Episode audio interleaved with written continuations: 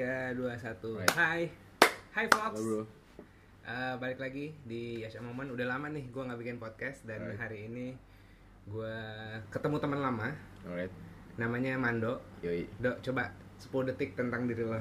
Oke, 10 second. Hah. Eh, gua Mando dan gue terjun di pasar financial khususnya di investment stocks saham. Wih, sungguh sungguh profile yang profesional tapi jangan takut yang kita obrolin receh banget di sini Yoi. tapi memang nyerempet nyerempet tentang biasanya umur umur segini udah punya duit terus kayak mau dikemanin duit gua Right. kayak gitu kan Iya. biasanya dan gua nggak ngomongin tenang aja nggak ngomongin kayak harus asuransi harus apa iya. ini santai aja ini lebih ke emotional intelligence gimana lo Iya. Gimana mental lo gimana psik- apa ya eh, well being lo untuk untuk nentuin masa depan lo salah satunya toolsnya dari duit Iya. nah terus eh, visi kita mirip-mirip sih maksudnya kayak mungkin ada beberapa statement yang kita kita setuju satu sama lain Hmm. contohnya apa Eh, mental miskin bro. mental miskin ya? mental miskin. jadi kita mau kita kita mau mengulik perbedaannya Iya. orang kaya dan orang miskin tapi dari segi mental bukan dari segi material Oke. gue gue bukan penggemar material Iya. maksudnya gini eh, uang penting material penting sandang pangan papan penting tapi bukan yang utama Iya. kalau gue Hmm. yang Hmm. kedua lah gitu Oke, yang right. kedua lah gitu nggak yang pertama kalau Ah. gua gua gua gua tahu gua tahu lo gua tahu gua tahu lo kalau kalau lo mungkin yang yang kalau lo lebih ya eh, apa ya gimana gimana kalau lo gimana Eh, gimana bro ya? Kalau misalnya bicara mental miskin sebetulnya kan eh, bukan kondisi hidup ya. Namanya Bukan. kondisi hidup ya. Kalau kondisi Bukan. hidup kan miskin tuh berarti lu definisikan dari berapa sih nilai aset lu gitu kan yang lu punya apa aja. Tapi kalau mental tuh kan lebih ke gimana lu nya sendiri gitu sebagai eh, human di dalam satu sistem ekonomi ini menjalankan suatu sistem ekonomi gitu kan. Bahasa gimana, keras juga deh. Jadi misalnya apa-apa, apa-apa. Oke, jadi kayak gini bro misalnya. Hmm. Eh, let's say kita ngomongnya mental miskin gitu ya. Hmm. Mungkin kayak misalnya tergantung lu sih kalau gua kaitkan sama eh, eh beberapa buku mentor gua. Hmm. Kalau misalnya kita itu misalnya nggak doing investment, contohnya, contohnya karena gue di investasi gitu kan. Ya of course eh, lu akan terus bekerja untuk uang gitu. Oke. Dan lu nggak akan pernah bisa memperkerjakan uang lu untuk menghasilkan uang lagi buat lo gitu. Oke. Right yang kita sebut sebenarnya namanya passive income. Oke. Terus itu salah satunya aja sih dari part of mental miskin. Ada contoh behavior ya. yang mengindikasikan lu tuh mental miskin. Contoh behavior ada bro. Gue eh, gue ngopi sambil sambil buka laptop ya. sambil banget. Aduh bro gue kemarin gue gue kemarin sempet kayak gue kutip gitu loh sih nah ini dia nih. Satu nih ya. Jadi gue kutip dari ya buku-buku lah yang pernah gue baca. Jadi kayak dia bilang bedanya mental miskin sama mental kaya gitu ya Hmm. secara ininya. Satu selalu melihat hal yang udah terjadi kalau orang yang punya mental miskin. Sedangkan kalau mental kaya itu berpikir tentang future masa depan. Yang udah cerita itu maksudnya Yes. em, belum move on sama masa lalu gitu Iya, iya. misalnya kayak misalnya eh, contoh nih ya. Lu itu ngelihat suatu hal tuh dengan eh, lu tau gak sih konsep seeing is believing sama believing is seeing. nggak Jadi kayak misalnya gini, Bro. Gua ngelihat dulu baru gua percaya. Itu yang seeing is believing. seeing is Yes, oke. kalau believing is seeing, gua percaya, maka nanti gua akan ngelihat. hmm, oke. Dan especially itu biasanya untuk orang-orang yang kayak punya vision. Sebenarnya kan dia belum kayak contoh ya, Bro, kayak kita bicara Gojek misalnya. Hmm. siapa sih yang kebayang Gojek bisa segede sekarang mungkin dulu ya nggak ada yang kepikiran gitu bro gitu nah, itu contoh contoh daripada apa namanya contoh mental kaya lah dia ngeliat visioner ke depan gitu kan. Terus kedua eh tuh sorry itu di mana nih? Oh satu nih. Kalau mental miskin biasanya konsep di pikiran dia tuh menghemat bro. Yoi, jadi kalau misalnya katanya kalau gua gua lucu ah, nih. ah, menghemat. menghemat bro katanya. Tapi yang kita yang diajarin dari kecil ada hemat Yes. pangkal kaya. Oke oke oke. Jadi gini bro, Eh, kalau misalnya mental kaya bro, berpikirnya tuh nggak ngehemat, tapi how I earn money, gimana caranya gue menghasilkan uang lebih banyak. Hmm. Jadi kayak mendingan gue tiap pagi bangun itu bukan mikirin, contoh ya kalau lu doing business misalnya, kita pengusaha, eh, ketika lo bangun pagi yang lo pikirin bukan gimana caranya gue efisiensi. Tapi gimana caranya lo menghasilkan omset yang lebih gede lagi penghasilan lo yang lebih gede lagi. Hmm. nah karena hasilnya tuh bakal beda bro gitu ketika lo berpikir menghemat yang ada di pikiran lo cuma ya sekedar kayak gue motong ini gue nggak lagi ngopi di Starbucks misalnya demi gue nabung segala macem Oke. sedangkan kalau kita eh, berpikir ya mendingan gue earn money lebih banyak Hmm. lebih bahagia bro dibandingkan gue harus motong-motong Earn money lebih banyak Iya. dan saving juga lebih banyak. yes yes ya Gitu. Terus selanjutnya nih ada lagi nih bro gue kutip. Katanya nabung bro. Nabung nabung tuh katanya konyol banget katanya Iya kan tadi tuh saving. iya iya ya iya kan? iya jadi konyol banget gitu ya. Karena ya kalau kita bicara nabung ya lu ngasih napas deh di tabungan lo Oke. 0% return gitu kan. Nggak ada apa pun. Tapi kalau ya let's say lu doing investment otomatis kan returnnya juga lebih gede. Gitu bro. Apa yang apa yang pengalaman lo yang kayak eh cerita dong pengalaman lu bisa sampai kayak gua gua ini biar Oke. biar orang dapat dapat Iya, dapat iya. konteksnya kenapa eh, kosakata kosakata yang lo pakai tuh ini banget nih eh, profesional sekali. Iya, iya. Jadi biar tahu konteksnya kayak ya ini siapa sih nih yang ngomong gitu, backgroundnya apa sih? Gitu. Alright. Gua, gua nggak gua nggak gua bukan penggemar good news. Gua Right. bukan gua bukan penggemar good uh, uh, uh, nice story. Mhm. Ceritain juga jatuh bangunnya lu juga. Oke, jadi gue dulu tuh eh waktu kuliah sih ya, Sar, ya. Waktu kuliah gue kayak nyoba-nyoba. Awalnya ya, ketika gue kenal uang tuh gue nyobain namanya trading saham Oke. dulu tuh. Cuma yang gue pikirin tuh dulu kayak gini loh. Wah enak banget ya, gue di laptop di mana pun gue bisa ngasilin uang. Itu basic pemikiran gue awal tuh, pertama kali. Akhirnya ya gue mutusin untuk bawa modal gue ke stock market, pasar modal. pasar Dari saham. mana tuh modal lu kan masih kuliah modal Uang lu jajan bro, mana? nabung tuh. Uang jajan, oke. uang jajan dulu gue kan nah gue nabung nabung akhirnya gue trade di saham ternyata nggak seindah itu bro nggak seindah ya nggak seindah apa yang gue pikirin gitu kan nggak nggak Yang lu pikirin apa? segampang Yang lu pikirin apa? Yang Ya. terjadi apa? yang gue pikirin tuh kayak gue beli duit ah sorry gue beli saham gue nunggu gue tidur gue ngapain tuh uang berkembang Hmm. dan gue nggak perlu kerja segala macem Itu yang lu pikirin. yang gue pikirin memang satu dua kali sometimes tuh bener bro Hmm. satu dua kali tapi ternyata pas ketiga kalinya Hmm. nah, jadi jadi gini ngaco ini satu dua kali gue bener akhirnya gue makin pede dong Iya. gue bawa uang yang, yang lebih gede tuh Hmm. ternyata di ketiga kalinya gue habis gitu Hmm. jadi gue salah jadi ternyata ya itulah ya manusia yang greedy kan berpikir bahwa satu dua kali benar ternyata hanya kebetulan gitu kan Hmm. nah akhirnya di tiga kali gue investment akhirnya gue gagal tuh Terus apa yang Nah. pelajarin dari? Di situ gue sempat kayak gue mikir wah kayak judi ya gue kayak, kayak ngapain ini kayak ambisi ambisi yang nggak nggak nggak realistis gitu kan Lu kayak fo- apa forex tau Ah, gue di saham bro saham, saham saham yang kayak sama kayak Yes, sekarang. yes, saham kayak sekarang. Bisa sejatuh itu juga ya? Iya, iya. Jatuhnya tuh mungkin waktu itu gue habis hampir 30% ya Hmm. dari modal awal gue ya lebih gede kan karena gue bawa, bawa modalnya lebih besar kan. Iya. Nah, itu lumayan dalam. Lumayan Hmm. lumayan kerasa lah bro gitu kalau untuk anak kuliahannya kayak kehilangan uang sekian gitu. Iya. Itu lumayan kerasa. Nah, sejak itu gue mulai belajar tuh kayak misalnya eh ya awal sih karena gue mikir kayak kata orang katanya gitu ya kata bukunya siapa eh, ya baik buku yang gue baca ya lu harus investment segala macam. Ya akhirnya gue lakuin investasi ternyata hasilnya buruk. Akhirnya gue coba dalemin kenapa gitu kan why gitu kenapa gue gagal. Ternyata ya banyak banget kesalahan-kesalahan gue ya tadi tuh gue datang ke dunia investment dengan mental miskin itu bro. Hmm. kayak gue berpikir ya gue tidur gue di mana pun ngasilin uang itu kan impian orang yang punya mental miskin sebenarnya bro nah itu kira gue baik belajar dari situ baru lo gue belajar ya teknis-teknisnya lah dalam investment gimana Sebenernya gue gatel hmm. nanya ini. Yang yang gue gue nggak tahu origin story lo. Hmm, hmm, hmm. Tapi yang yang yang gue tahu secara garis besar, lu dulu main judi. oke iya Nah, iya iya Ceritain dong. jadi ya itu bro ya gue Judinya itu beneran apa? Gua- Judi judi bola, judi kartu, apa emang judi, judi saham? awalnya semuanya bro bahkan sampai judi bakar tuh pernah Serius. judi online tuh gue kayak dulu tuh emang ya sempet sempet sempet lah sempet lama juga Oh, gitu. kayak dua tahun lama juga bro Serius. Iya, judi bola. Tapi gue eh, paling ini tuh di judi bola paling kerasa sih, kerasa untung dan ruginya. Oke. Iya di judi bola. Kerasa untung dan rugi berarti nggak ada nggak kalah nggak menang dong. Nggak kalah- bahkan lebih banyak kalahnya kayak. Lebih banyak kalahnya. lebih kalah. Gue kalah tuh bro dulu ya. Gak apa-apa gue share ya. angkanya malah malah Oke, ba- gua, alright. gua kita harus telanjang di sini iya. menurut gue. Jadi dulu gue judi itu ya.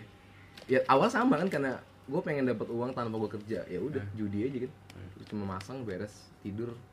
Gue kalah tuh 120 bro. 120 juta. Juta. Gue kalah judi bola. Satu kali match. Dua kali match. Gue match. sampai sekarang masih inget loh. Ingat gak tuh tuh apa ininya eh, pertandingannya? Ya, eh, pertama tuh Liga Inggris dulu kan Liga Inggris baru Italia kan. Eh, ininya kalau di TV maksudnya. Iya iya di TV -nya. oke. Nah, itu Inggris tuh waktu itu gue masang di eh, Newcastle lawannya Liverpool bro. Lu lu pasang Gue masang dulu tuh Newcastle gue masang. Oke. Akhirnya gue kalah di situ. Enggak pertimbangan apa? Ntar dulu gue Oke, mau kulik oke, itu dulu. alright. Pertimbangannya apa lu dulu? Ngambil Newcastle. Itu per Oke. berapa waktu itu? Setengah setengah. Ya Kalau nggak salah setengah bro kalau nggak salah. Ken- Kenapa lu seyakin itu? Iya, iya, iya. Kenapa lu seyakin? Karena waktu itu kalau nggak salah mainnya di kandang Newcastle. Oh di kanan Newcastle. Ah, terus gue mikir kayak ya ya gue eh, feeling feelingan lah bro jadi Iya, kayak iya, feeling feelingan iya. kan akhirnya gue tembak Liverpool tembak di Newcastle Berapa 60 juta? 40 bro 40. 40 juta itu langsung habis tuh bro gue tuh nggak boleh nonton. Gue cuma nonton dari tau gak sih kalau live score tuh kayak Iya, iya, ngeliatin tahu, nah gitu ya udah gue udah udah. Sebatas itu udah Iya. gue tahu kalah. Nah beresnya nih. Gue pengen balikin dong at Iya. least balik gitu kan. Gue pasang di lu tau gak sih dulu zaman Juventus tuh nggak pernah kalah? Iya iya. tahun berapa gue lupa 2000 berapa ya? Iya. 2013 12 gue lupa. Dia Juventus tuh nggak pernah kalah. Gue ingat banget gue Hmm. masang di Napoli. Lawan Juventus gue masang Napoli dan gue kalah lagi bareng Oke, lo udah tahu, lu udah tahu Juventus Iya. lagi lagi eh, lagi prime-nya Iya. lawan Napoli tapi lu pasang eh, la- lu s- pasang Napoli. Mhm. Pur berapa waktu itu? gue lupa bro tapi yang yang pasti kalau nggak salah hasilnya imbang deh satu sama deh kalau nggak salah Napoli tuh ngepur setengah ke Juventus Si Yes. Oh, Napoli masih Cavani ya? ya Serius? Cavani bukan sih dulu gue gue nggak tahu deh lupa gue lupa banget Oh. Oke, banget berarti lu sebenarnya nggak bola entusias ya? enggak enggak enggak enggak Wah, anjir. gue cuma ngeliat angkanya pur-purannya Iya, iya, iya. maninya di sana Berarti emang lu nature-nya ngeliat angka, bro. Iya, iya. Jeleknya di situ sih bro, jeleknya. Oh gitu. Iya. Kok jeleknya enggak lah. Jadi tuh gini bro, jadi gue tuh, Lu cuman salah implementasi. Lu suka angka tapi lu Oke. salah tempat aja. lu tau gak sih bro dulu istilah katanya ada istilah probabilitas kan. Eh, Katanya di dunia ini nggak ada yang 100% pasti kan. iya. Nah, gue mikir gini bro, kalau gue aplikasiin ke judi bola waktu itu ya, Hmm. Juventus, gue mikirnya masa sih Juventus bakal menang terus satu satu liga, satu apa satu Satu musim gitu season, kan, satu iya. season gitu kan. Kayaknya nggak mungkin deh. Ternyata tetap aja dibantu terus menang. ada aja tuh. Dia satu season ada 100% Iya iya. menang. Iya itu bener season itu dia nggak pernah kalah ya paling imbang deh Iya. imbang deh ya nggak pokoknya nggak pernah kalah deh. Itu ngaco banget. Dari situ apa yang lo pelajarin? Hmm, gue jadi bandar bro. Masih goblok. Karena gue gue mikirnya Oh lu kalah jadi pemain. Iya, gua kayak yang lu pelajarin, oke gue jadi bandar. kayak jadi gini bro, gue tuh dulu kayak iya gue sempet kayak apa istilahnya menggadai BPKB gue dulu kan mobil segala macem Itu Mercy. bukan ya yang dulu ada mobil jazz satu lagi Oke. nah gue gadai segala macem kan ada angsuran tuh Hmm. kan gue harus bayar tiap bulan gimana caranya sedangkan gue masuk kuliah kan Hmm. akhirnya ya gue jadi ngebandarin juga bro gitu posisinya Hmm. ya udah tapi waktu ngebandarin tuh enak bro maksud gue selama player lo pasti bayar ya nggak ada masalah Ah. lu kan dapat percentage dari Iya. dari ininya kan nominal angka yang mainnya gitu Coba eh, mekanismenya gimana? Lu bandar. Oke. Gua gua pengen main. Gimana sih? Gua gua pengen tahu dunia simpelnya aja bro ya misalnya gue bandar nih Hmm. ya lu player dan let's say si B misalnya ada player lagi let's say misalnya Juventus Napoli nih misalnya Hmm.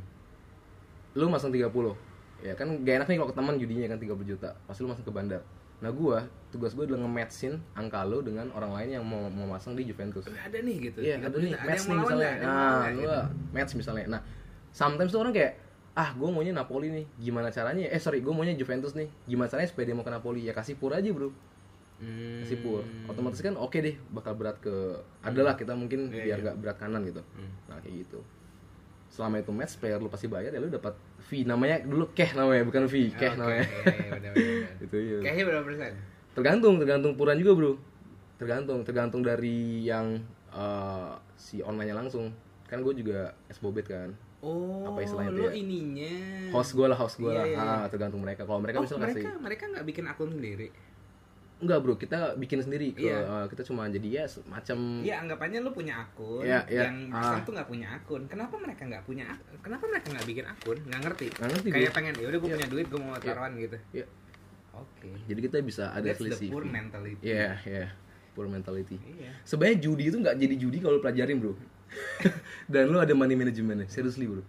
Sebenarnya judi nggak jadi judi. Si master kelas aja ada ini kelas poker kan. Iya. Iya kan? Benar.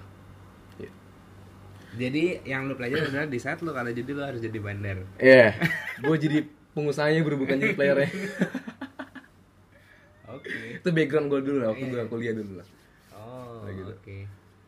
Terus gi- gimana ketahuan bokapnya kau? Ketahuan, Bro, pada akhirnya. Kan gue nggak pernah kuliah juga kan dulu kan. Oh, nah, jadi akhirnya di situ kayak ada surat datang dari kampus gue Hmm. untuk datang kayak nge-share ya. Bro, lu kalau eh, lu nggak pernah kuliah nih. Iya, iya, iya. Terus tiba-tiba ya udah gue ketahuan segala macam ya udah akhirnya ya biasalah malah Nah, gua gua gua gua gua sangat tertarik Oh. eh, perihal eh, area ini. oke Area relationship antara anak sama orang tua. alright Ini jarang di reveal sama anak-anak karena Mhm, mhm. tabu kayak duit, seks, agama. Ah. Mungkin kalau yang dia cinta banget nih sama orang tuanya, Hmm. dia kayak akan tell the world kayak I love my parents. Iya, iya. Tapi yang nggak cinta sama Hmm. orang tuanya, dia akan malu. oke Bukan malu sih, sungkan. Oke. Sementara menurut gua di saat lu nggak akur sama orang tua lu, Hmm. ya nggak akur nggak akur aja. Yeah. That's the relationship. Kalau Yeah. emang lu berantem berantem, tapi itu tetap orang tua lu. Hmm. Menurut gua kayak gitu. Hmm. Gua bukan ngajarin anak durhaka ya, Hmm.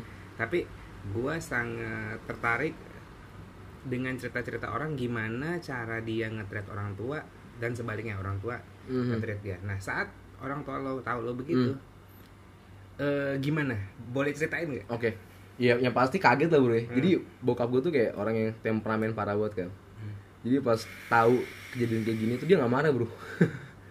Lu bayangin coba orang yang temperamen parah banget Nah, dapat kasus kayak gini dia, dia nggak udah nggak bisa marah berarti kan kayak udah puncak banget ya. Iya, Gue mikir kayak kayak udah puncak banget nah. gitu. Gitu dan di situ gue mikir malah yang selama ini gue dikerasin kena marah ketika gue nggak dimarahin dengan Malah merasa malah gue merasa bersalah sendiri bro kayak waduh gue kayak udah bikin orang tua gue bener-bener di puncak kemarahan dia gitu kan di situ lah mungkin timbal balik gue sih di situ kayak Oh, oke. mulai kayak gue mikir oke kayak gue harus mulai ya lu tau lah paling rajin kuliah kan awal-awal kan Iya. kayak, rajin kuliah Oh, akhirnya balik kuliah lagi. balik kuliah lagi bro Eh, lu sampai lulus gak sih?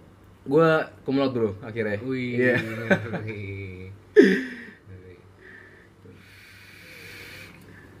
Berarti emang awalnya awalnya lu bilang kan temperamen, setemperamen apa maksudnya kayak kayak fis physical physical juga main juga bro oh gitu. Iya, iya, Bukannya bukannya orang Batak kalau anak laki-laki tuh raja banget tuh. iya tapi kalau misalnya lu doing wrong juga kayaknya nggak berlaku untuk bokap gue sih bro kayak Tapi teman-teman gua kayaknya nggak berlaku teman-teman gue tuh kalau anak laki-laki Eh. eh nggak tahu sih ini culture-nya masih kan Eh. setahu gue sih masih kental ya kayak paling di street banget gak sih Iya, bokap gue tuh kayak apa ya? eh daripada gue kasih lu- kayak, kayak prinsip Robert Kiyosaki lah bro daripada lu gue kasih ikan mendingan lu gue ajarin cara mancing gitu loh jadi Oh, kayak oke. lebih keras sih didikannya kayak ap- apa advice yang paling berharga yang eh, eh, Mhm. lo dapat advice paling berharga ya kayak ya normal lah kayak kerja keras Hmm. tapi memang dia selalu advice gue untuk doing business sih Eh, dan dia head banget sama namanya pasar saham bro. Oh dia eh, dia benci banget pasar saham. Oh dia benci? Yes benci parah tapi banget. tapi suka bisnis? Iya, nggak semua pengusaha itu suka dengan pasar finansial Oh. karena kan ada pengusaha sektor real sama sektor finance kan. Nah dia tuh di sektor real ya bro. oh. Jadi nggak nggak begitu relate dengan stocks. Dia nggak menganggap bahwa ini judi segala macam lah Hmm. gitu.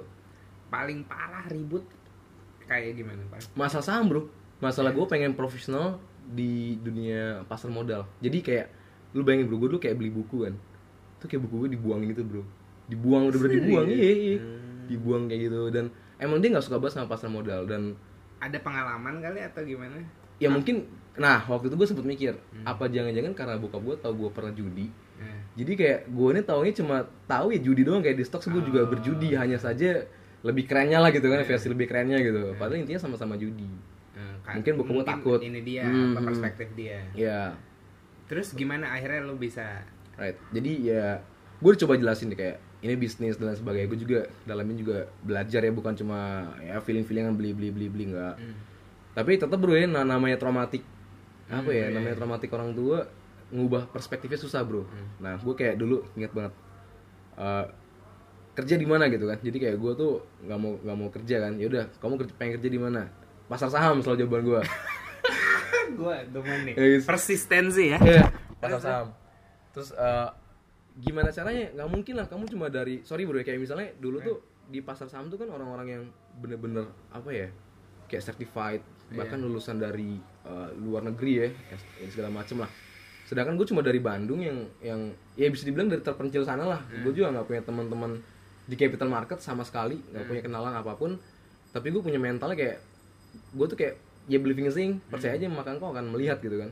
Kira gue ngambil beberapa certified analis gue apply tuh ke analis. Hmm. Terus gue nanya emang lu mau ngapain sih di pasar saham? Gue bilang gue pengen jadi fund manager pokoknya. Hmm. titik. Terus kayak dibilang ah mimpi aja lu. Hmm. nggak mungkin mimpi aja dan, dan pada akhirnya terjadi kok semuanya. Jadi fund manager. Iya. itu berapa lama prosesnya? Gue jadi waktu jadi fund manager tuh eh, awalnya kan analis analis saham awalnya itu kurang lebih 9 bulan setahun lah let's say setahun. Eh, dan gue dipromot fund manager tapi gak gue ambil sih bro. Iya, iya. unfortunately karena gue bangun Ini bisnis sendiri gue kan. sekarang YT program ini. Ah. kenapa orang itu bisa ngejudge lu kayak mimpi aja lu gitu? Apa yang menurut lu apa latar belakang orang oke. itu ngomong kayak gitu? Ya mungkin apa yang dilihat bro ya tadi kan kayak seeing believing apa yang gue lihat itu yang gue percaya Hmm. ya mungkin bokap gue ngeliat gue dari masa lalu kan kayak oh bokap lu yang ngomong gitu Iya, iya. Oh, oke oke kalau gue sih ambisi ambisi aja Iya, bro iya. oke oke oke hmm nice nice di saat apa di saat ada ya di, di saat lo udah di udah di bawah udah nggak ada jalan Iya. lagi ya mesti ke atas kan Iya. Tapi nggak gampang sih prosesnya. Hmm. Maksudnya kayak ya mungkin karena gue ada faktor revenge juga ya nggak terima ya. Jadi gue makin kuat pengen ngebuktiin gitu loh bro. oh oke Dorongannya sih itu kayak selama ini gue dibilang mimpi nggak mungkin nggak mungkin. Ya jadi malah jadi di gue malah gue pengen ngebuktiin gitu loh. Dan akhirnya nah di sebuah ambisi lo hmm, hmm, boleh boleh boleh lo elaborate gak komposisi maksudnya Hmm. gini gue bukan kalau gue bukan orang yang ambi hmm.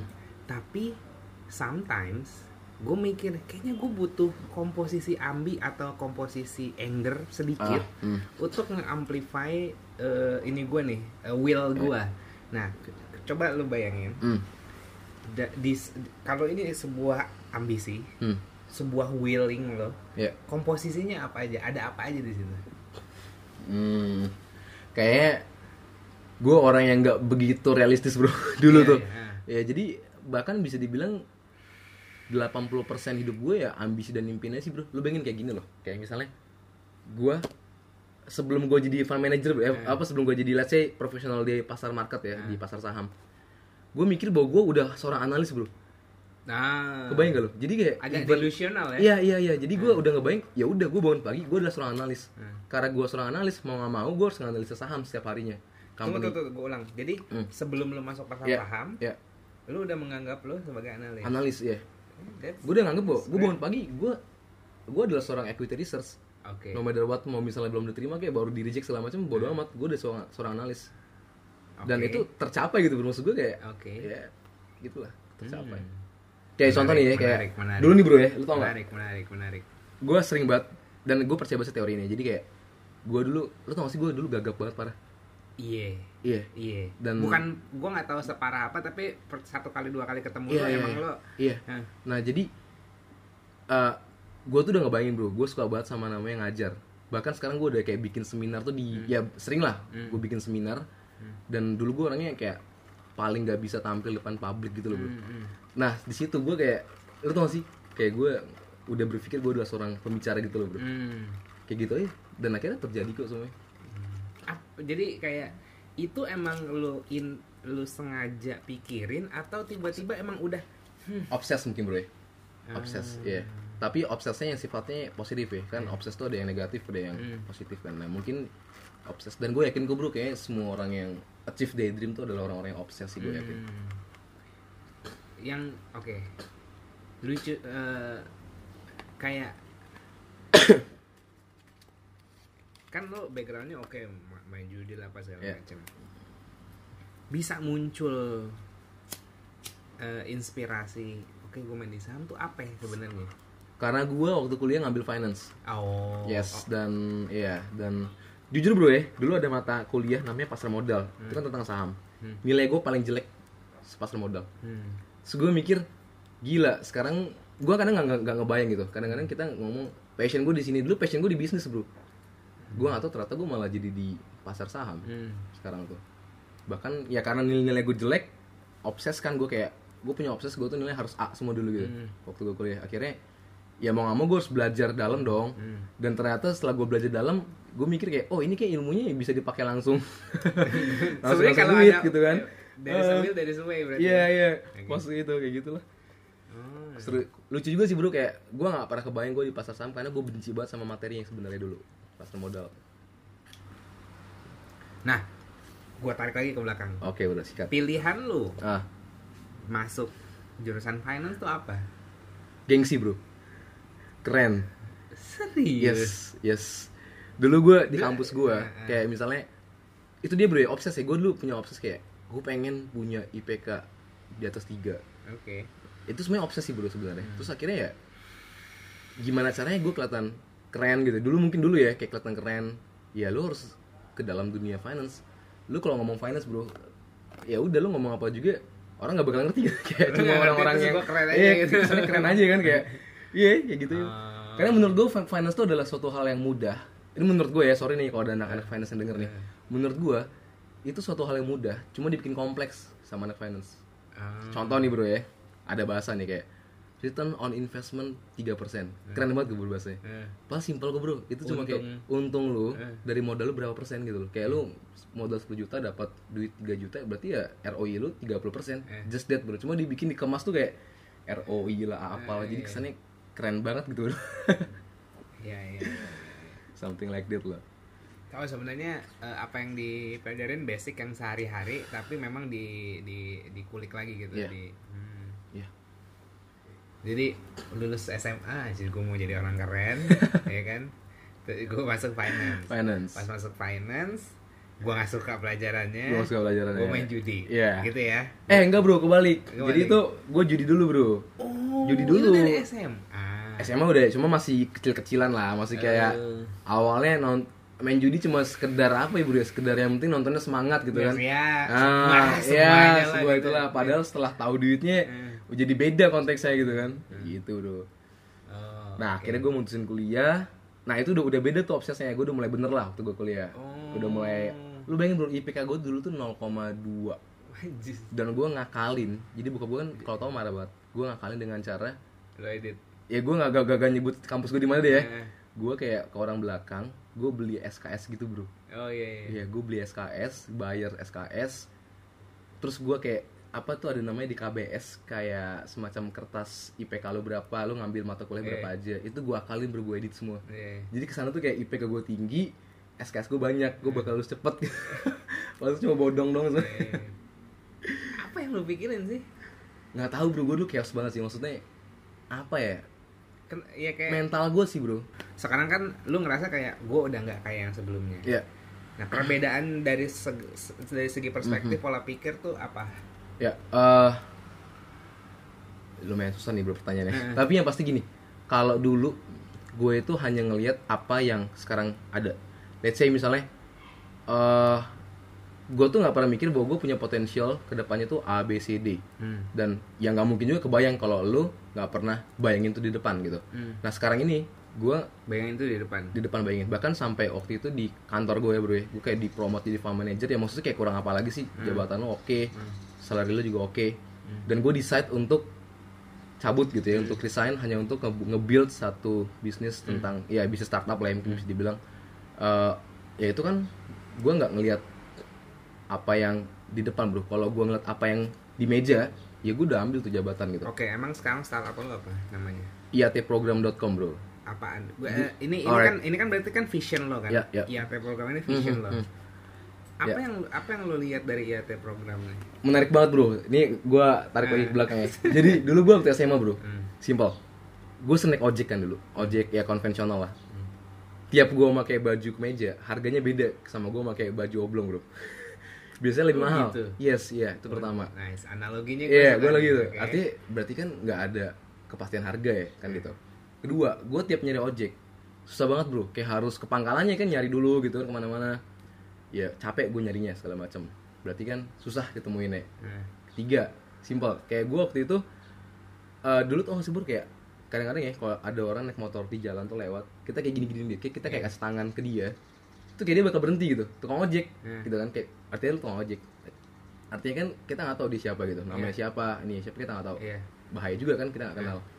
Keempat, panjang nih banyak yang ngomongnya. Apa-apa. Keempat, eh, kadang gue dapat helm, kadang nggak pakai helm, Ya, keamanannya keamanan, nggak ada. iya. Gue waktu SMA gue ngomong gini bro, ke teman-teman gue, gimana ya kalau misalnya gue punya eh, bikin satu, gue gua nggak tahu lah bahasa gue gimana, tapi pasti kayak gue kepikiran ojek itu dibikin sistemnya, Hmm. jadi di mana pun dia berada bisa, tinggal gue panggil, datang, diantar gue ke rumah Hmm. dengan eh, namanya jelas, terpampang ya, dan gue tahu siapa orangnya. Hmm. Ya itu, ya sekarang waktu gue oh, dulu waktu gue cerita ke teman-teman gue kayak dibilang nggak mungkin lah bro, Eh, yang bener aja ojek segala macam ternyata sekarang ada, Gojek. eh. Itu pertama bro. Kedua, gue dulu orangnya nggak suka buat belanja kan, kayak ke mall gitu gue nggak suka buat. Gue mikirnya gue pengen beli apa apa online, Hmm. beli baju online. Temen gue kayak bilang, ya lu beli baju liat barangnya dong, nggak mungkin dong lu nggak ngeliat barangnya. Gimana taunya kalau tuh barang nipu atau barangnya jelek segala macam nggak cocok sama lu. Selalu dijegal bro, tapi ternyata sekarang ada yang namanya, ya lu tau sendiri kayak Ah, Lazada, oh, iya, segala macam mereka jualan Zalora gitu kan. Dan ternyata ada. Nah, ya tiap problem sama bro. Eh, gue mikir bahwa industri pasar saham berkembang Hmm. gitu ya. Sedang berkembang lagi sedang growing. Dan gue lihat orang sekarang mau untuk belajar gitu. Cuma mereka nggak punya waktu masalahnya. Oke. ya let's say kalau orang yang punya karir pasti waktunya udah terbatas kan. Gimana caranya gue belajar? Akhirnya gue bikinlah semacam ya program.com ini semacam uh, learning management system. Jadi kayak kita belajar online tapi struktur belajarnya udah jelas semuanya udah intinya proses belajar itu udah dari A sampai Z Udah kayak kuliah gitu ya. Ah iya iya kuliah online gitu sih jatuhnya course online gitu online course kayak kalau tau namanya dulu ada namanya eh, sorry eh, namanya Facebook Blueprint Heeh. nah konsepnya kayak gitu bro Ini menyesal banget gue tuh nggak nggak belajar itu dari awal Tuh. dan sampai sekarang gue nggak belajar. Itu kan kayak belajar cara ngiklan di Facebook kan? Enggak ya? Iya iya cara ng- ngiklan di Facebook digital marketing Iya kan? Facebook iya konsepnya bagus jadi kayak ada video education kemudian ada quiz-quiznya gitu Bedanya itu kayak oke. Ya. eh, buat gua, gua tarik ke belakang dikit. ah Lu bilang pasar saham lagi berkembang. mhm. Indikasinya apa? sekarang satu bro ya Eh, bursa nih kita ngomong bursa efek Indonesia ya Hmm. Eh, mereka itu lagi gencar namanya yuk nabung saham lu pernah dengar sih bro Pernah? nah artinya kan secara nggak langsung itu. Iya, mereka lagi mau ngajak konsep lu menabung. Hmm. Oke, lu nabung, pasti kita nabung tiap bulan. Tapi instrumennya dibedain. Let's say kalau kita dulu taunya nabung ya di bank, Hmm. bahkan di celengan gitu kan dulu kita nabung celengan di bank sekarang gitu. Sebenarnya ada satu konsep lagi nabung yang bisa ngasih lu return atau eh, persentase keuntungan itu lebih gede Hmm. setiap tahunnya bahkan setiap bulannya gitu yaitu di di saham itu konsep yang baru Oke. artinya konsepnya lu tetap nabung saving your money a month sebulan tuh kayak berapa tapi lu taruhnya di instrumen saham gitu investasi Oh oke. konsepnya gitu bro sekarang Nah itu kan berarti lu ngelihat dari government aja udah government aja ya ini udah, mendukung Udah mendukung. ya. Dan kerasa kok bro dulu ya dulu gua waktu di Bandung tuh ya kayak the only one trader cuma gua doang kayak Serius. Iya, gue susah banget nemuin teman-teman yang trading. Kalaupun ada yang nggak serius, cuma kayak ya menganggap bahwa ini sekedar coba-coba doang, ya kayak iseng-iseng nyobain doang lah gitu segala macam. Padahal dia nggak tahu ini tuh bisnis yang bener-bener bisa ngasilin big money banget gitu loh, secara konsisten. Oh di Bandung dikit. Gue dari dari zaman S kuliah. Sekarang rame bro sekarang. Dari zaman gua kuliah sih udah udah nemu, nemu beberapa sih gua. Eh, tapi Iya. mungkin sekarang banyak banget kali Iya. ya. Dan Sekarang kayak banyak ya jadi Allah. sam, jadi bukan yang kayak full time sambil kerja iya. sambil ini. Bahkan gue dulu bro ya, gue pernah bikin komunitas. Itu anak anak SMA semua bro lu bayangin. Yang mau belajar saham loh, itu anak SMA itu komu- komunitas gue ada sekitar eh, 60 orang. Hmm. Itu hampir 40% anak SMA bro. Artinya kan minat mereka tuh tumbuh gitu. Dia tahu mereka tahu dari mana sih? Jadi gue dulu tuh kayak apa ya eh, bikin apa istilahnya di Facebook gitu kan. Nah terus mereka kayak Bikin join, grup. ah bikin grup gitu mereka join. segala macem ya udah akhirnya kayak ketemuan gabung komunitas itulah bro kurang lebih cuma udah bubar komunitas itu Iya iya. tapi tapi gue gue lucu latar belakang si anak SMA Iya. ini mau belajar saham tuh apa dari teman-temannya Iya. atau nonton nonton apa video YouTube bro kayak lu tuh masih anak zaman sekarang tuh ya gitu?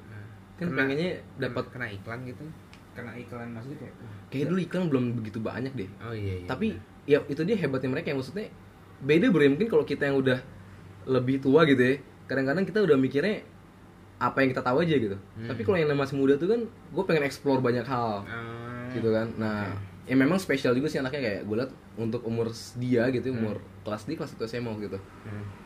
udah interesting kayak Hmm. bisnis saham gitu kan. Kebetulan ya ketemu gua gitu kan emang di saham jadi kita nyambung gua ajar ajarin bahkan dia sekarang tuh sampai jadi ketua ketua apa namanya ketua apa sih istilahnya kayak perkumpulan saham di Unpad bro Oh. di Bandung waktu itu Heeh. Oke. Terus terus tadi sampai mana ya pertanyaan gue? ya? Oke, oh oke. Itu kan masalah eh, indikasi saham. Hmm. Kenapa lu bisa bilang naik? Dua gue mau nanya. Tadi lu ada statement eh, orang-orang sekarang yang seumuran kita eh, waktunya terbatas. Iya. Emang dulu seberapa lama harus belajar ini dan apa yang Iya. lu tawarin? Yang lu bilang kayak lebih cepat, lebih cepatnya lebih cepat se- secepat mana sih? Iya ya. Jadi eh kalau bicara konteks belajar ya bro ya, belajar tuh kan bukan masalah. Kadang gini loh, ada materi-materi belajar bagus, tapi prosesnya nggak bagus. Hmm. Nah jadi gua kan punya beberapa certified yang cukup sulit lah ya dan harganya juga udah mahal banget gitu kan. Ya let's say mahal untuk ukuran certified itu gitu. Dan gue lihat oke secara kurikulumnya oke banget bagus banget. Tapi cara ngajarnya itu proses ngajarnya itu nggak banget bro. Nah di situ gue mulai kayak banget tuh apa acak-acakan? Iya, susah banget. Dari mulai bahasanya, terus eh, cara ngajarnya kayak kita tuh harus nge-explore sendiri gitu. Nah itu yang lumayan susah gitu dan itu offline kan. Jadi kalau ya ada offline ada online sih. Cuma kan yang offline ini kan mau nggak mau kalau kita dari luar kota gimana? iya iya nggak bisa ini dong. Nah makanya gue bikin satu program pembelajaran dengan kurikulum yang oke juga gitu ya. Eh, tapi prosesnya yang gue bikin lebih mudah oh online course ya jadi kayak lu bisa ya bisa belajar di mana pun kapan pun dan kita juga pakai animasi jadi lebih oke lah lebih enak Hmm. Dan terstruktur bu bro. Kayak misalnya lu kayak pak pengen bangun rumah nih ya. Hmm. nggak mungkin dong lu bangun rumah langsung bikin atapnya gitu kan langsung bikin temboknya. Kan pasti kita bicara pondasinya dulu. Hmm. nah kalau pondasinya kuat lu pasang jendela juga gampang bro. Itu bukan hal yang sulit gitu loh. Nah, gua gua gua gua menempatkan diri sebagai orang awam. Hmm. pokoknya zaman zaman gua baru uh, ngikutin Gary V 2 tahun tiga tahun yang lalu ya nah Gary V itu kan latar belakangnya ada investor juga mungkin kayak algoritma internet gua algoritma gua Iya. kebaca tuh akhirnya gua dapat iklan-iklan Hmm. di YouTube yang Hmm. perihal si siapa sih itu yang ada yang pakai kacamata gede gitu dia saham juga siapa ya gitu kayak Hmm. ngasih lihat ini dari saham gue baru beli rumah nih sambil Alright. sambil ngevlog ngevlog gitu Alright, apa segala iya, iya, gitu. iya. nah bener gak sih itu oke atau memang caranya beda-beda aja buat buat buat ngam, apa nge-acquire orang dan apakah dengan nge-acquire doang nge- Iya. nge-acquire orang tuh dia dapat duit lagi atau ada agenda tertentu ada agenda lain? Kalau itu sih gue kurang tahu bro ya. Hmm. kalau untuk uh, acquirement misalnya kayak dia ya mungkin part of marketing kita nggak tahu lah Hmm, apa yang terjadi di sana kan. Tapi yang pasti kalau kita gitu ya hanya ngelihat misalnya tertariknya karena oh sini untung gede misalnya. Hmm. akhirnya kita terjun. Hmm. ya nggak salah sih gitu ya. Tapi ketika lu menjalankannya itu beda gitu loh. Dalam arti gini kalau lu invest di stocks karena hanya karena returnnya tanpa mempertimbangkan namanya resiko Hmm. ya pasti lu nggak akan ya sometimes satu dua kali bener ya istilahnya beginner luck lah. Hmm. tapi nggak konsisten. Namanya untung-untungan bro bukan untung gitu. Nah itu yang bahaya sih sebetulnya. Hmm. at least kalau lo mau terjun pahami dulu dong Eh, ya modalnya kan modal uang dan modal knowledge ya kalau cuma mod- modal uang doang ya pasti habis gitu kan harus ada knowledge juga pahami dulu resikonya Nah, ini gue mau bu Ya. belak belakan. Ini ini uh, dari kacamata orang awam ya. Ya. Ini ini gue yakin banget orang-orang ini pasti mau nanya juga kayak gini. Oke, oke, lu udah sukses Hmm, main saham. belum lah bro kalau sukses masih Ya, masih maksudnya, masih ongoing ya, lah at least settle Alright, alright. at Iya, least iya, settle iya. dan menuju apalagi misalnya enggak taruhlah kayak yang masa-masa iklan gitu kan juga kayak eh lo lihat gue nih udah Iya, ini iya. udah ini lo lihat ini berangkat saham belum? Iya. yuk ikut ke gue pikiran pertama yang gue kayak ya lu kayak sendiri aja gitu. Hmm, iya. Gitu kan? Benar banget. Ngapain ngapain Ngajak-ngajak, orang? Yes. satu. Hmm. nah itu dulu deh pertanyaan gue. Kenapa dia mesti ngajak-ngajak orang? Begini, Ya. ah berarti emang mau nyari duit dari nih orang Iya, nih iya, iya, kayak iya. gitu. Gue buka aja nggak apa bro ya. Buka. gue buka aja ya.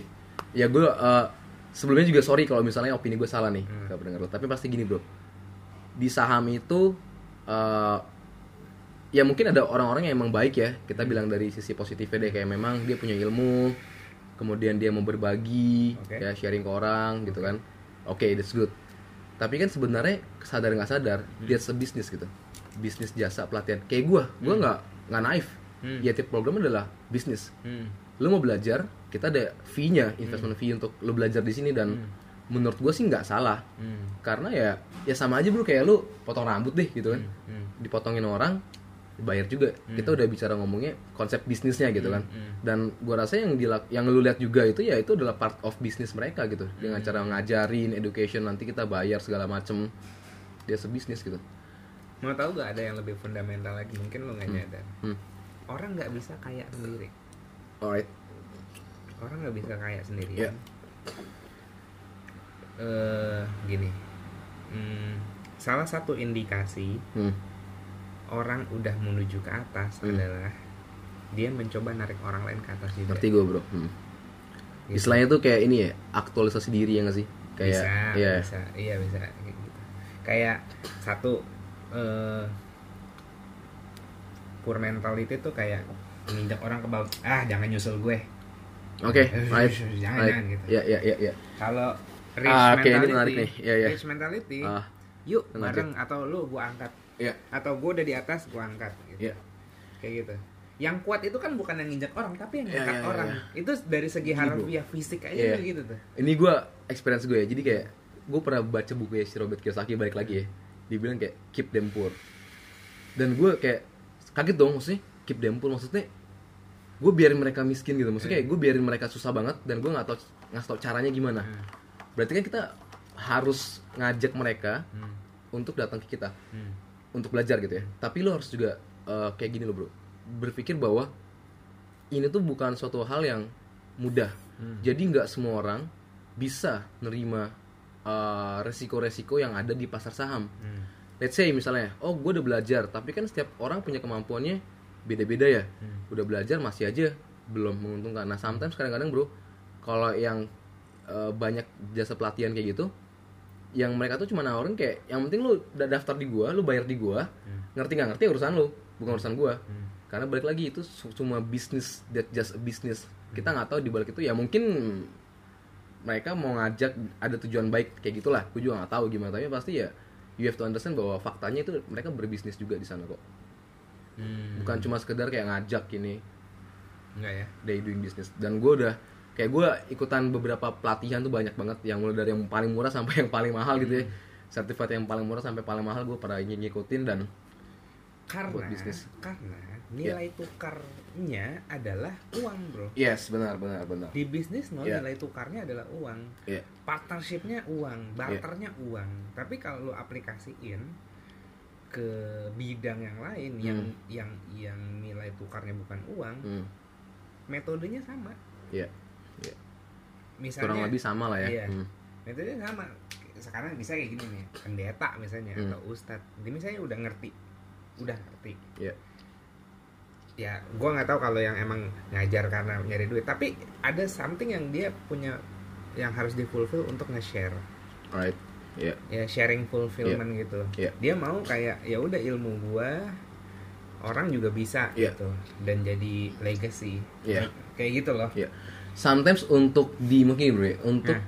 dinilai angka yang wajar, Hmm. gue masih bisa tolerir bahwa memang dia eh, pengen fulfill diri dia untuk sharing dengan orang dan mengajak ke yang lebih baik lagi. Hmm. Tapi pada faktanya nilai yang ditawarkan ke kita Iya. itu rasanya kok ini mah lu cari duit gitu loh, kayak Oh, gitu loh iya, bro. iya, Nah iya, itu iya, itu yang jadi masalah.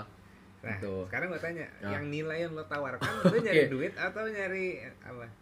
Coba. dua-duanya bro Oke. yes YT program ini gue bikin karena gue nyari duit juga dan yang kedua gini loh gue kan ngajar nih bro ya gitu Oke. gue bikin program itu gue bisa pastinya maksudnya gue udah baik ngikutin program dan memang bisa dibilang gue pertama di Indonesia nih bro untuk program seperti ini gitu kan Eh, nilai yang gue kasih menurut gue kalau di compare sama ya kompetitor Hmm. saing itu masih sangat under value Hmm. sangat under value Why why lo ngeset harga lo under value? mungkin eh, karena gue belum begitu punya nama di market Hmm. itu sih pertimbangan gue itu pertama Hmm. kedua sometimes bro ya gue kayak contoh nih kemarin Hmm. eh, ada members gue bilang gini makasih banget ya pak Hmm. saya cuan saya untung itu hampir semua members gue tuh jadi investor mandiri gitu ya Hmm. dan saya jadi ngerti ini gimana segala macam gitu sometimes tuh kayak kayak gue jadi ngerasa oh ternyata gue berguna juga buat orang gitu ya Hmm. dengan angka segitu mereka nggak keberatan Hmm. ada tuh kayak kepikiran apa gue naikin Oh, tapi ya gue bisa, nggak bisa ya aja. tapi Itu itu, bisa aja. ya tapi gue malah jadi mikir nggak tega juga bro gitu loh kayak gitu sih Itu bisa aja. Mhm. Tapi let them be your PR.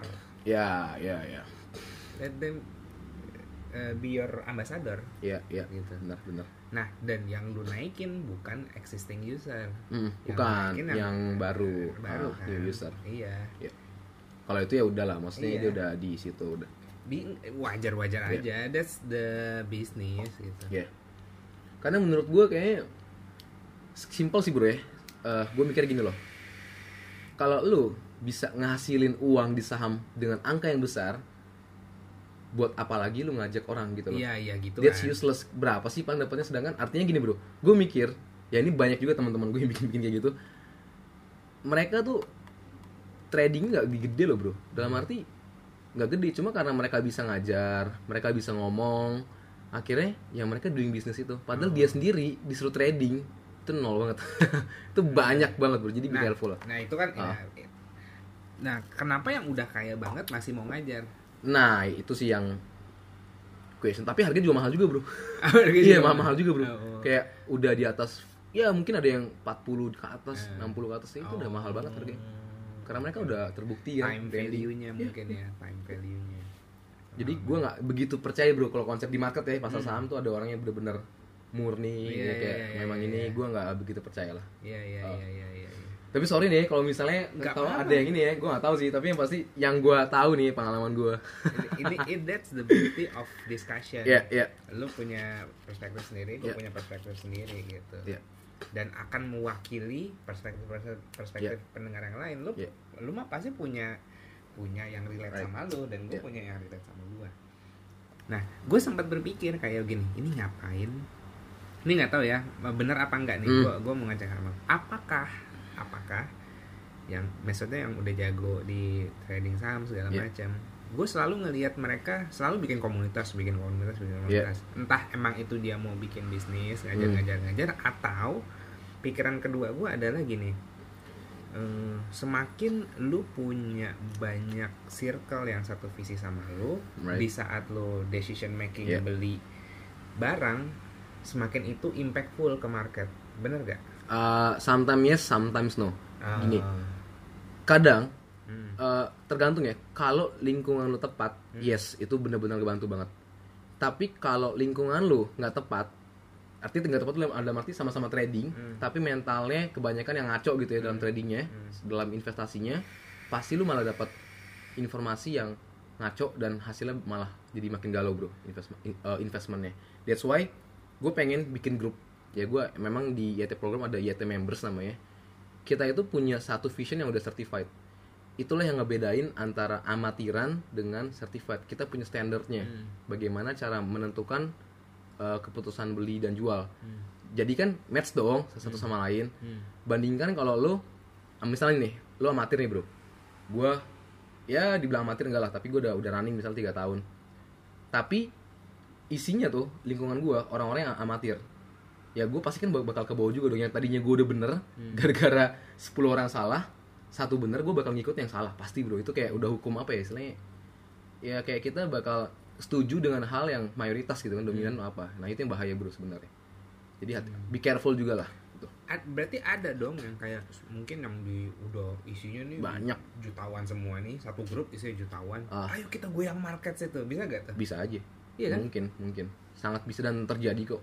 Iya ya iya terjadi ya gue kebayang gitu kayak Ya. oke kalau yang isinya jutawan semua lah dia biasa bisa Iya. nyetir market Iya, dong gitu iya. itu bahkan ya kasusnya nah misalnya kayak saham gorengan lah Iya. gitu kan sama-sama yang bisa dinaik turunin harganya gimana yang punya modal aja gitu kan nah itu bisa Oh, gitu. tapi nggak semua saham kayak gitu Iya, iya. makanya gue bilang tapi gini bro menariknya saham-saham kayak gitu ngasih returnnya keuntungannya itu gede banget bro bahkan tuh bisa hitungan ratusan persen Iya. nah kebanyakan kita namanya kan pemula nih bro ya. Mainnya di situ. Eh, modalnya nggak gede gitu kan.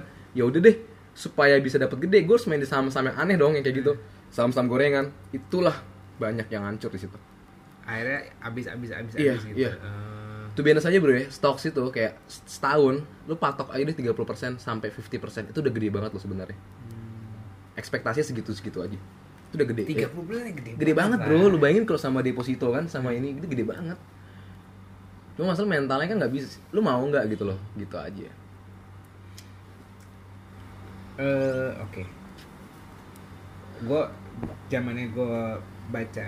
Jadi gini, gue kan mungkin kita sedikit yang punya eh apa ya metode menjalani atau metode pola pikirnya sedikit berbeda. ya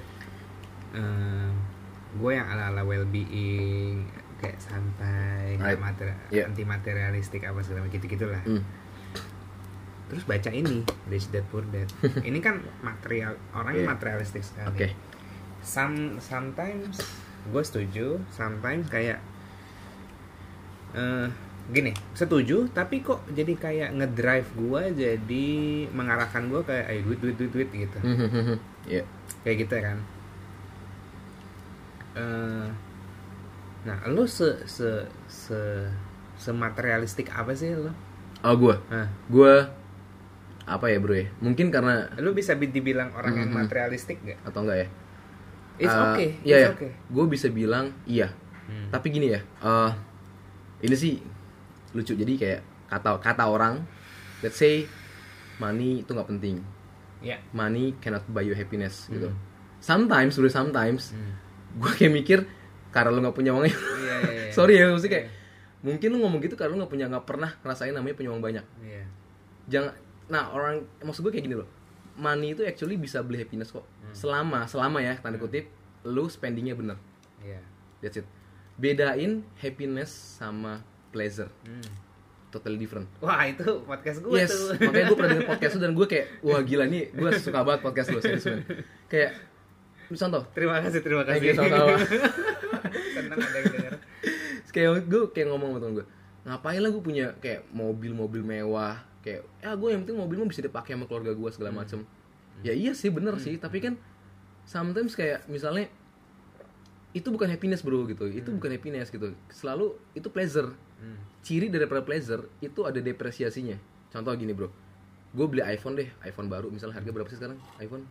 10 Yang juta baru. misalnya 10 juta. 10 juta misalnya tahun depan juga udah ada, udah ada model baru. Hmm. handphone lu mungkin pertama kali lu kayak seneng gitu wah gue handphone gue paling canggih. Tapi sering berjalannya waktu itu turun nilainya gitu. Ah gue bosen ada lagi yang baru ada lagi yang baru. Nah itu ciri daripada pleasure dia ada depresiasinya. Oke. tapi kalau happiness bro contoh lu pergi traveling sama teman lu. Hmm. pasti pakai uang dong gitu Iya. kan. Pas lu pergi traveling gue yakin kok bro seiring berjalannya waktu lu malah makin kangen kayak pengen lagi Parah. traveling. Nah itu dia bro. That's it happiness dan kedua-duanya itu itu tuh itu tuh kayak investasi mental Yes, yes. menurut gue Yeah. investasi mental lu kapan-kapan jalan-jalan lu sama gue lu boleh boleh ya Iya. boleh juga Iya kan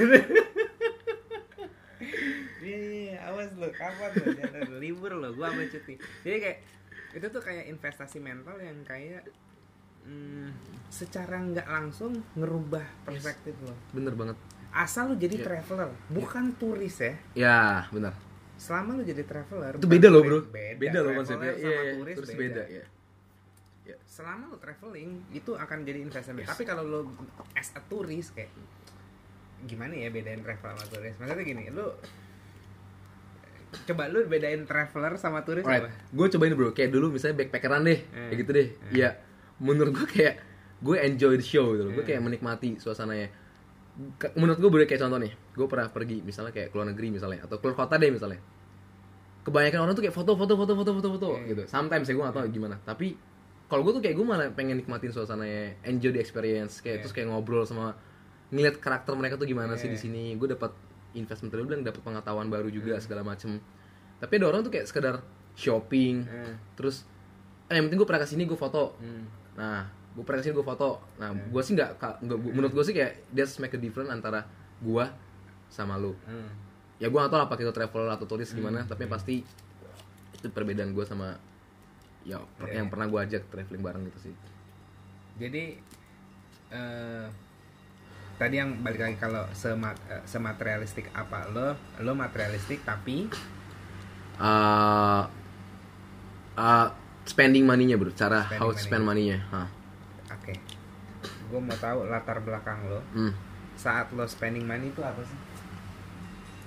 oke Oh ini enggak. Oh. Ya, latar belakang lu Maksudnya, untuk decision making, ya? decision making oke gue Ya, beli ya. ini Ya. atau gue keluar duit ini Hmm. bukan saham ya ya ya ya gue mau pengen tahu aja gue tuh orangnya impulse impulse buyer sebenarnya ah sama yes gue kadang-kadang kayak contoh ngeliat sepatu gitu ya Hmm. oh keren nih gue masuk nggak mikir panjang pasti pasti gue pasti bawa sepatu di pokoknya gitu. Sebenarnya salah sih enggak gitu ya. Tapi kalau keseringan salah juga. Tapi kalau decision yang paling utama gue tuh gue ngelihat value. Nah ini menarik. Eh, ini baik lagi bro ya, ke mental miskin sama mental kaya. Orang miskin sorry mental miskin Hmm. pasti ngelihat barang dari harganya. Lu pernah sih bro? Gue dulu pernah ngalamin nih bro. Hmm. gue di posisi di mana kalau ada orang nawarin gue barang di otak gue tuh ya mau dia ngomong A B C D otak gue tuh Harganya. harganya berapa sih Hmm. harganya berapa sih jadi gue udah nggak dengerin value nya bro Hmm. nah itu ciri-ciri or- orang yang punya mental miskin mereka tuh ngebeli price mereka beli harga Hmm. tapi kalau misal kita punya mental kaya menurut gue Hmm. kita beli value nya Hmm. kita bisa oke denger lo aja Hmm. produk lo apa sih ngasih gue benefit apa sih gitu kalau ternyata misalnya let's say harganya sekian ya harganya misalnya let's say di 3 juta misalnya Hmm. tapi value yang gue dapat bisa lebih dari itu berarti kan sebenarnya itu Hmm. punya benefit dong. Ya gue buy produknya. Hmm. masalah tapi ter- terga- tergantung lagi ya. Kalau emang bervalue kita nggak ada dompet juga ya sama aja gitu. Bro sama aja bohong gitu. Tapi at least lu udah mencoba untuk menjadi orang yang ngeliat yang ngeliat value-nya bukan gitu loh. yes bener banget bro. Gitu. Karena gue dulu kayak waktu gue belajar saham nih gue itu selalu pengen beli buku kan belajarnya. Gue selalu ke buku-buku yang ke toko buku lokal gue nggak bilang toko buku lokal tuh jelek nggak bilang gitu. Tapi sebetulnya ada buku-buku impor yang notabene harganya lebih mahal jauh ya kayak bisa sampai jutaan. Yang mungkin dulu gue kayak "Ah, mahal banget gue beli buku ini ya harga 3 juta segala macam. Padahal mau modal gue juga waktu kuliah nggak gede-gede banget. Tapi ternyata ketika gue coba untuk beli itu buku efek ke kitanya bro itu kayak ratusan kali dari harga buku lu gitu loh. Hmm. jauh banget bro. Jadi ya worth it sekarang apa yang lo mau tanyain ke gue gue nanya ke lu. gue jadi hostnya nih oke gue jadi host- ya Iya, yes a moment nih sedikit Mando a moment. Alright Uh, man on the mo man on the moment Mando. Boleh juga bro gokil gak man on the moment. Wih gue dapet inspirasi baru nih dari sini. gila. Lu gak baca postingan gue inspired, Inspired. is a new pleasure bro. Mantap keren. Parah men. Gue punya pertanyaan sama lu bro. Eh. tadi lu bilang lu nggak begitu materialistik. Hmm. kenapa sih? Kenapa bro? Kenapa bro? Maksudnya dari mana sih lu bisa dapat kesimpulan bahwa gue nggak karena ada loh bro temen gue kayak ah gue nggak peduli materialistik. Tapi gue tau duitnya banyak banget gitu sebenarnya gitu. Tapi ada orang yang gue materialistik gue gila cari uang. Tapi duitnya nggak ada gitu bro. Iya. nah gue lu tuh tiba-tiba muncul kayak gitu kenapa sih bro? Gue nggak materialistik dan gue juga nggak punya banyak uang tapi gue nggak miskin miskin amat. Ya oke. Ngerti gue Iya gitu. Gue settle. Ah. Eh, as a personal gue settle tapi gue menganggap nggak materialistik Hmm. karena gue berangkat dari sebuah kejadian yang material materialistik itu adalah eh, hal yang menghancurkan keluarga gue alright oke. Nah di situ gue belajar bahwa materi karena hancurnya karena materialistik. Hmm, orang-orang ngejar materialistik kayak gitu-gitu. Eh, jadi yang gue anggap orang punya banyak duit itu akan happy hmm. gue ngelihat dari mata kepala gue sendiri bener-bener gue ngerasain sendiri bahwa sebanyak apa pun uang yang lo punya kalau itu jadi alasan lo hidup dan lu di di circle orang yang sama seperti itu Hmm. eh, ya itu kayak ya udah jadi anggapannya lu cuman cuman bergantung sama materialistik materialistik lu diambil karena materialistik kan barang yang nyata nih Yes. material nyata gitu kan diambil ya lu nggak punya Hmm. tapi kalau di insight di perspektif di mindset di mental itu nggak bisa diambil orang Iya. itu nggak bisa diambil orang lu mau ke mana aja lu nggak punya apa-apa atau Mhm. contohnya ya lu nggak punya apa-apa itu tuh jadi jadi seed jadi jadi benih yang kayak lu mau dicemplungin ke mana aja kalau di sini lo udah Betul. kaya Iya. bakal kaya, kaya. gitu That's, that's it bro. That's it. Jadi ya bener sih. Kadang-kadang kayak Iya. sebenarnya kadang tuh nggak perlu lu menjadi orang yang mengejar uang, tetapi mental lu udah seperti mental layaknya orang kaya gitu ya. Arti mental kaya gitu ya. Ya uang bakal ngikutin sih bro. Even lu nggak materialistik, even lu nggak care sama uang, nggak tahu kenapa kok tabungan gue tiap bulan nambah-nambah aja gitu kan. Ya. Artinya kan sebenarnya mentalnya dulu sih bro. Ceritain lagi apa? Gue punya story trading. Trading saham Mm-mm. yang gila banget. Yang menurut gue gila ya. Nah ini gue coba tarik dulu kenapa gue bilang. Jadi gini bro. Mm. hal yang paling salah menurut gue Mm-mm. daripada dari seorang bursa Mm. mengatakan bahwa yuk nabung saham. Ini opini gue pribadi bro ya Mm. yuk nabung saham. Artinya kan lu memperlakukan saham Sebagai- layaknya sebuah tabungan. Mm. Sekarang questionsnya adalah tabungan itu apa sih sesuatu yang, yang, kita ya kita sisihin uang Hmm. taruh duit diemin kan harapan Iya. ngumpul ngumpul ngumpul ngumpul ngumpul spending Betul. beliin apa kita betul artinya kan di situ kita tenang kan Art- artinya nggak ada kayak tegang-tegang apa pun misalnya Iya. uangnya turun naik turun nggak ada gitu kan Iya. stay di situ Ya. nah ini yang masalah bro menurut gua pribadi stocks itu adalah permainannya rich people menurut gua ya Apa? permainan orang kaya. Why? Simple. Lu bayangin kalau kita let's say uh, income kita misalnya satu bulan tuh let's say misalnya ya 6 juta 7 juta misalnya sebulan. And then you trade stocks. Lu bisa ngeliat tuh satu hari kayak tergantung modal sih ya, let's say modal lu 100 juta misalnya. Satu hari lu ngeliat stocks tuh kayak turun 3%, 4%. Berarti kan turun 3 juta, 4 juta. Satu hari tuh, Bro Hmm. lu bakal berpikir kayak gini wah gila nih satu satu bulannya gua itu kayak satu harinya saham that's mental poor mental miskin tuh kayak gitu bro that's why kenapa dulu salah satu coach gua gua keren banget dia bilang Mm. "Eh, kalau lu pengen hidup dari saham itu hanya khusus anak-anak yang bener-bener orang kaya Mm. kayak sehari hilang 3 juta 4 juta Hmm. no matter Mm. nggak stres gitu Hmm. nggak nggak bimbang nggak galau segala macem Mm. dan otomatis kan otaknya tetap objektif gitu karena dia nggak stres dan dia bisa ngelawan itu. Dia bisa ya it's normal. Easy money easy come easy go gitu. Hmm. tapi kalau kita yang mental miskin dikasih sehari 3 juta misalnya 4 juta loss ya artinya masih turun nih di bawah turun dulu misalnya. Pasti itu udah kayak wah gila nih sebulan gua apa gua segala macem. Lu udah jadi stress stressful trading dan lu ya udah. Hmm. hasil analisa lu udah nggak lagi objektif. Semua tergantung emosional lu. Dan itulah kenapa banyak banget 90 bah- bahkan dibilang 99% trader ya itu gagal tuh karena emosional side psychology side. Mm. jadi kalau lu berpikir bahwa I have no money dan kemudian gue pengen ke stocks untuk earn money dengan mudah Hmm. you are in the wrong place gitu. Totally in the wrong place. Karena stocks itu bukan suatu hal yang membalikan tangan gitu loh kayak trading duduk santai dapat duit. Not not like that konsep jadi harus nah gimana caranya pertanyaan gimana cara gue punya mental kayak gitu? Lo harus belajar dulu pahami resikonya. Kalau udah paham semua baru lu trade kalau enggak jangan pernah coba-coba trade nah inilah kesalahan daripada konsep menurut gua yuk nabung saham Hmm. karena nggak semua orang bisa mentolerir resiko-resiko seperti itu Gitu. Nah, yang story gilanya apa? Nah, story gila ini. Nah, story gilanya adalah jadi gue punya temen waktu itu di certified waktu gue ngambil certified analis di Indonesia. Hmm. jadi ceritanya dia ini umurnya masih 21 tahun, Bro. Tapi udah lulus double degree. Dia ngambil finance sama account oh, ngambil ya, finance management sama accounting di China. Dan dia beasiswa. Itu keren banget. Ya menurut, gue keren lah anaknya. Smart gitu ya.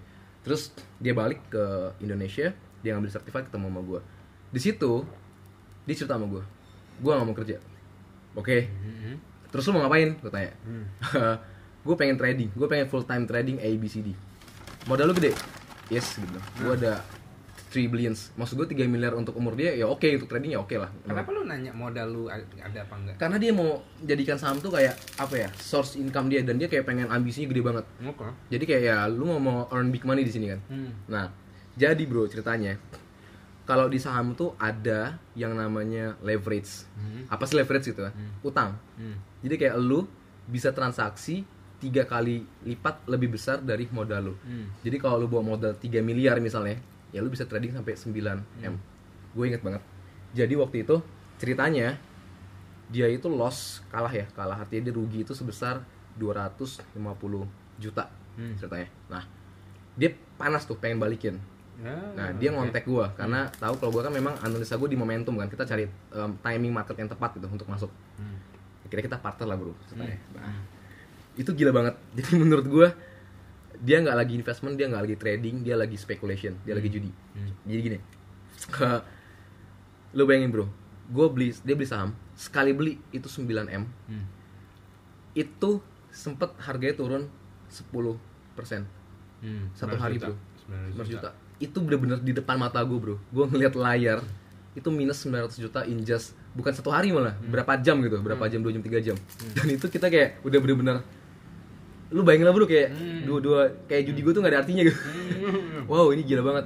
Kira di situ karena dia nggak mau nggak mau maksudnya kayak gue udah bilang kayak menurut gue sih kita nggak beli sekarang kita nggak masuk sekarang. Tapi kayak dia nggak bro gue punya feeling ini bakal bagus gue yakin A B C D segala macem. Dengan teori-teori dia yang dia punya segala macam dan finally hancur gitu.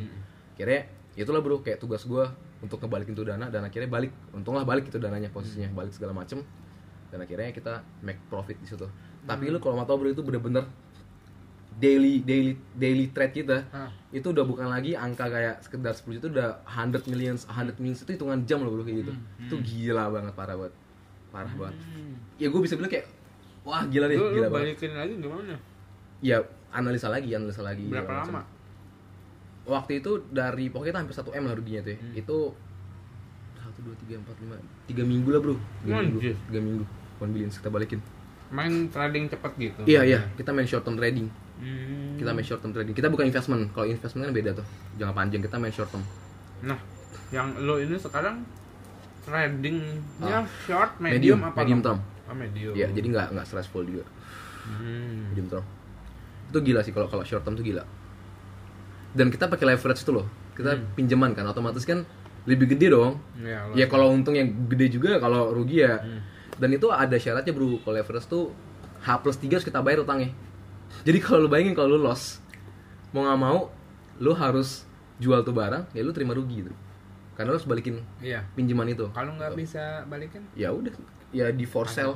Istilahnya kayak lu dipaksa jual sama sekuritasnya. Hmm. lu dipaksa jual untuk ya pokoknya harus dijual barangnya sahamnya gitu itu itu lebih ke speculation sih sebenarnya jatuhnya Gila, bener-bener berarti kayak gini. Misalnya sebuah market itu kayak pie ya yang 100%. Hmm. Masuk orang banyak, ya rebutan. Ya kan? ya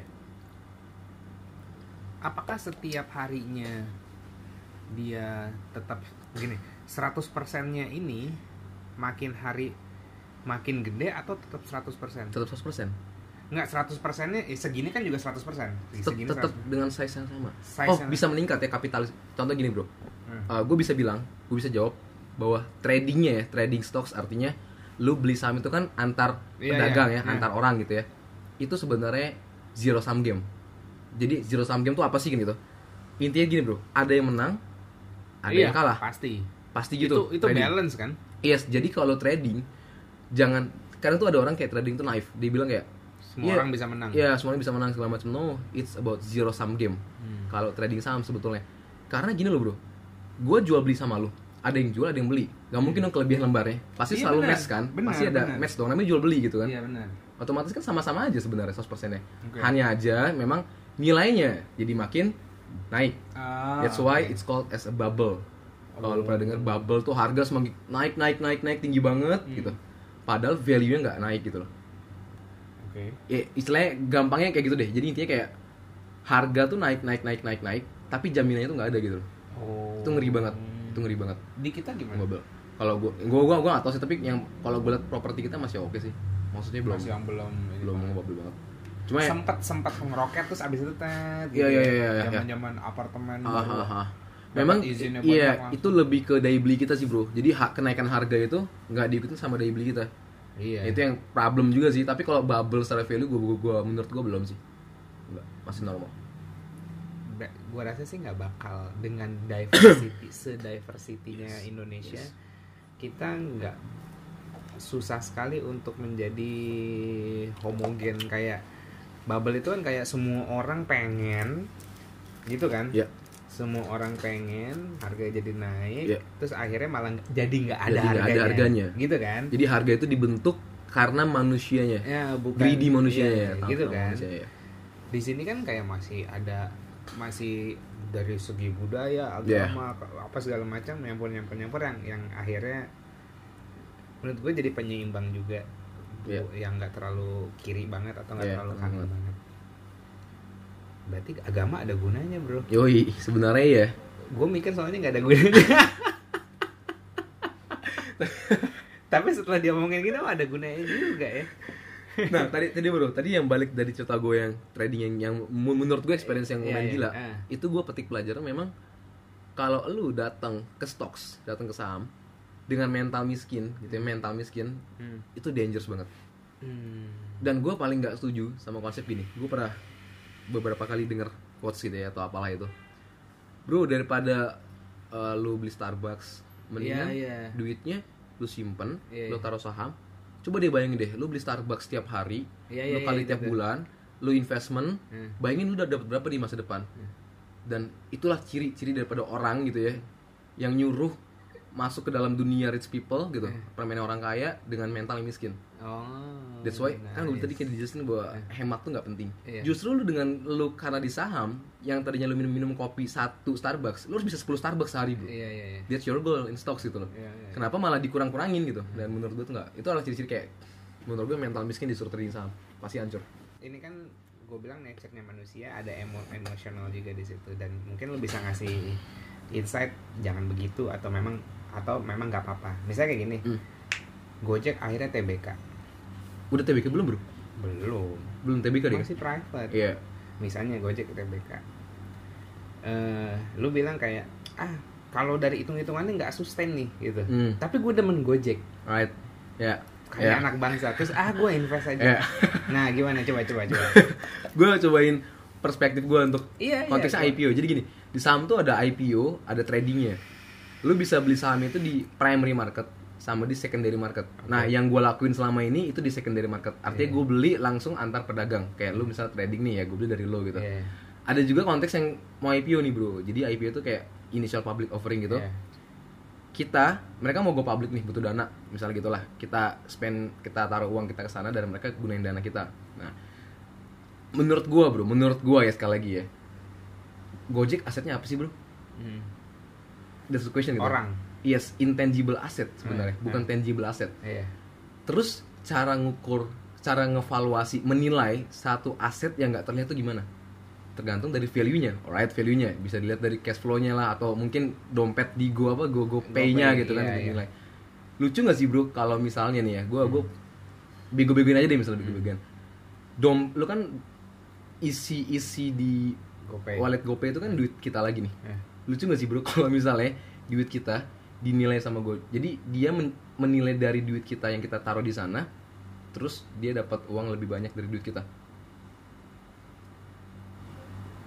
contoh bego-begoin Nah, aja bro kayak gitu nah. nah sebenarnya kalau secara Dapat da- dapatnya dari mana?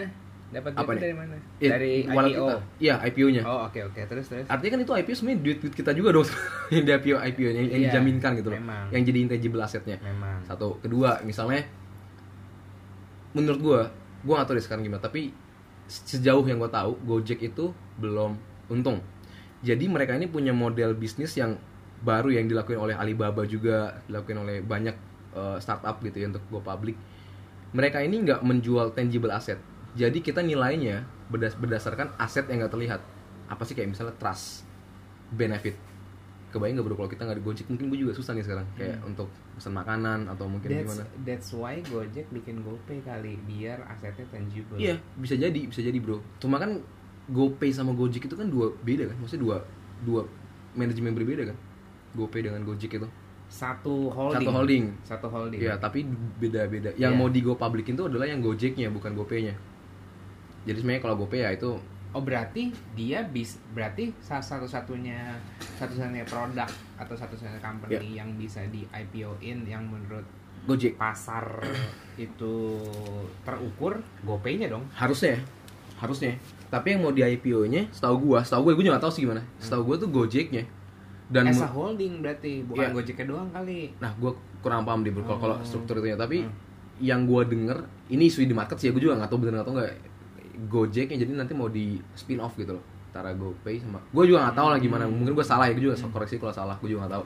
Cuma gini bro, yang yang pengen gue tekenin adalah Gojek itu ngejual vision Iya. yang dia jual adalah vision ekspektasi gitu loh jadi yang lu beli itu bukan aset dia yang lu beli adalah ekspektasi impian mereka gitu loh Hmm. dan be careful menurut gua Hmm. lo bayangin aja bro sekarang Nadim oh, foundernya aja tuh cuma punya less than 5% Hmm. kenapa? Karena kan dia jualin terus sahamnya. Hmm. dengan nilai yang lebih mahal gitu. Kebayang? Artinya kan valuasi Gojek udah mahal nih bro. Hmm. dia jual lagi di IPO pasti kan nilainya lebih tinggi lagi kan yang ditawarin ke kita. Hmm. berarti udah wow gua nggak tahu valuasi seberapa mahal. Yang dijual apa? Ekspektasinya. Vision dia ke depan. Jadi menarik sih model bisnisnya. Jadi mereka nggak untung secara kayak kita bisnis kan taunya buka usaha modal gitu kan dagang ya untung berapa tiap bulan gitu kalau mereka konsepnya nggak mereka nggak apa merugi merugi merugi minus terus cash eh, ininya untungnya tapi as a valuation Hmm. benefit dia ke masyarakat kerasa banget impactnya gitu Hmm, itu kan nilai baru Iya. nah, baru nan- nanti dia sebuah nilai baru. Iya. Mereka menciptakan sebuah yes nilai yes baru ya. iya dan itu butuh money gede banget bro Dan apakah in the future itu bisa terhitung? nggak ada yang tahu bro itu yang makanya gue kayak kalau serah- misalnya iya iya. iya kalau kalau untuk Gojek IPO kalau questionnya beli atau enggak ya tergantung lagi sih. Nanti berapa yang dijual harganya gitu. Kalau menurut gue kemahalan mahalnya kenapa? Kan bisa jadi nih bro. Kayak bisnis modal cuma 5 juta dijual bisa 1 m. Bisa aja. Kalau em- emang omsetnya gede tiap bulan gitu kan cuma modal. Misalnya dia punya brand kuat. Iya, iya, iya. mungkin asetnya cuma kayak apalah nggak nggak berarti. Tapi branding dia kuat Hmm. kayak apa eh, omsetnya gede itu bisa dijual. Tapi jangan takut juga ya maksudnya bukan berarti jangan takut juga untuk investment di stok sekarang nggak sengeri cerita kita kayak ini gue ceritanya dari yang eh, dark side dark side nya maksudnya kayak haha tapi sebenarnya menguntungkan kok bro. Iya. menguntungkan sangat menguntungkan invest di stok Kalau? Kalau kita bisa investment wise Hmm. dengan bijak. Pokoknya trust yourself. Gue suka banget sama quotesnya Warren Buffett keren banget eh eh, ya Buffett dan banyak inspirasi eh, inspirator gue juga dia bilang kayak gini if that professional bener-bener jadi intinya kayak kalau emang itu profesional di pasar modal emang bener-bener profesional yang harusnya mereka lakuin adalah membeli saham sebanyak mungkin bukan justru jualan rekomendasi Iya, jualan iya, hasil betul. analisa and that makes sense banget betul betul. kalau lu tahu saham mau naik yang lu lakuin lu tampungin tuh saham sebaik banyaknya gitu Iya, iya, iya. bukan lu ngomong ke sebelah lu ini saham Iya. mau naik ini saham mau naik Iya. that's not make sense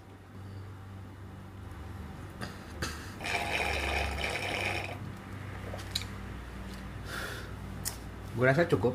cukup bro ya Cukup ya. Eh, mudah-mudahan berguna buat yang dengerin. ya Dan di sini nggak ada kesimpulan. biar Jadi mereka yang menyimpulkan sendiri.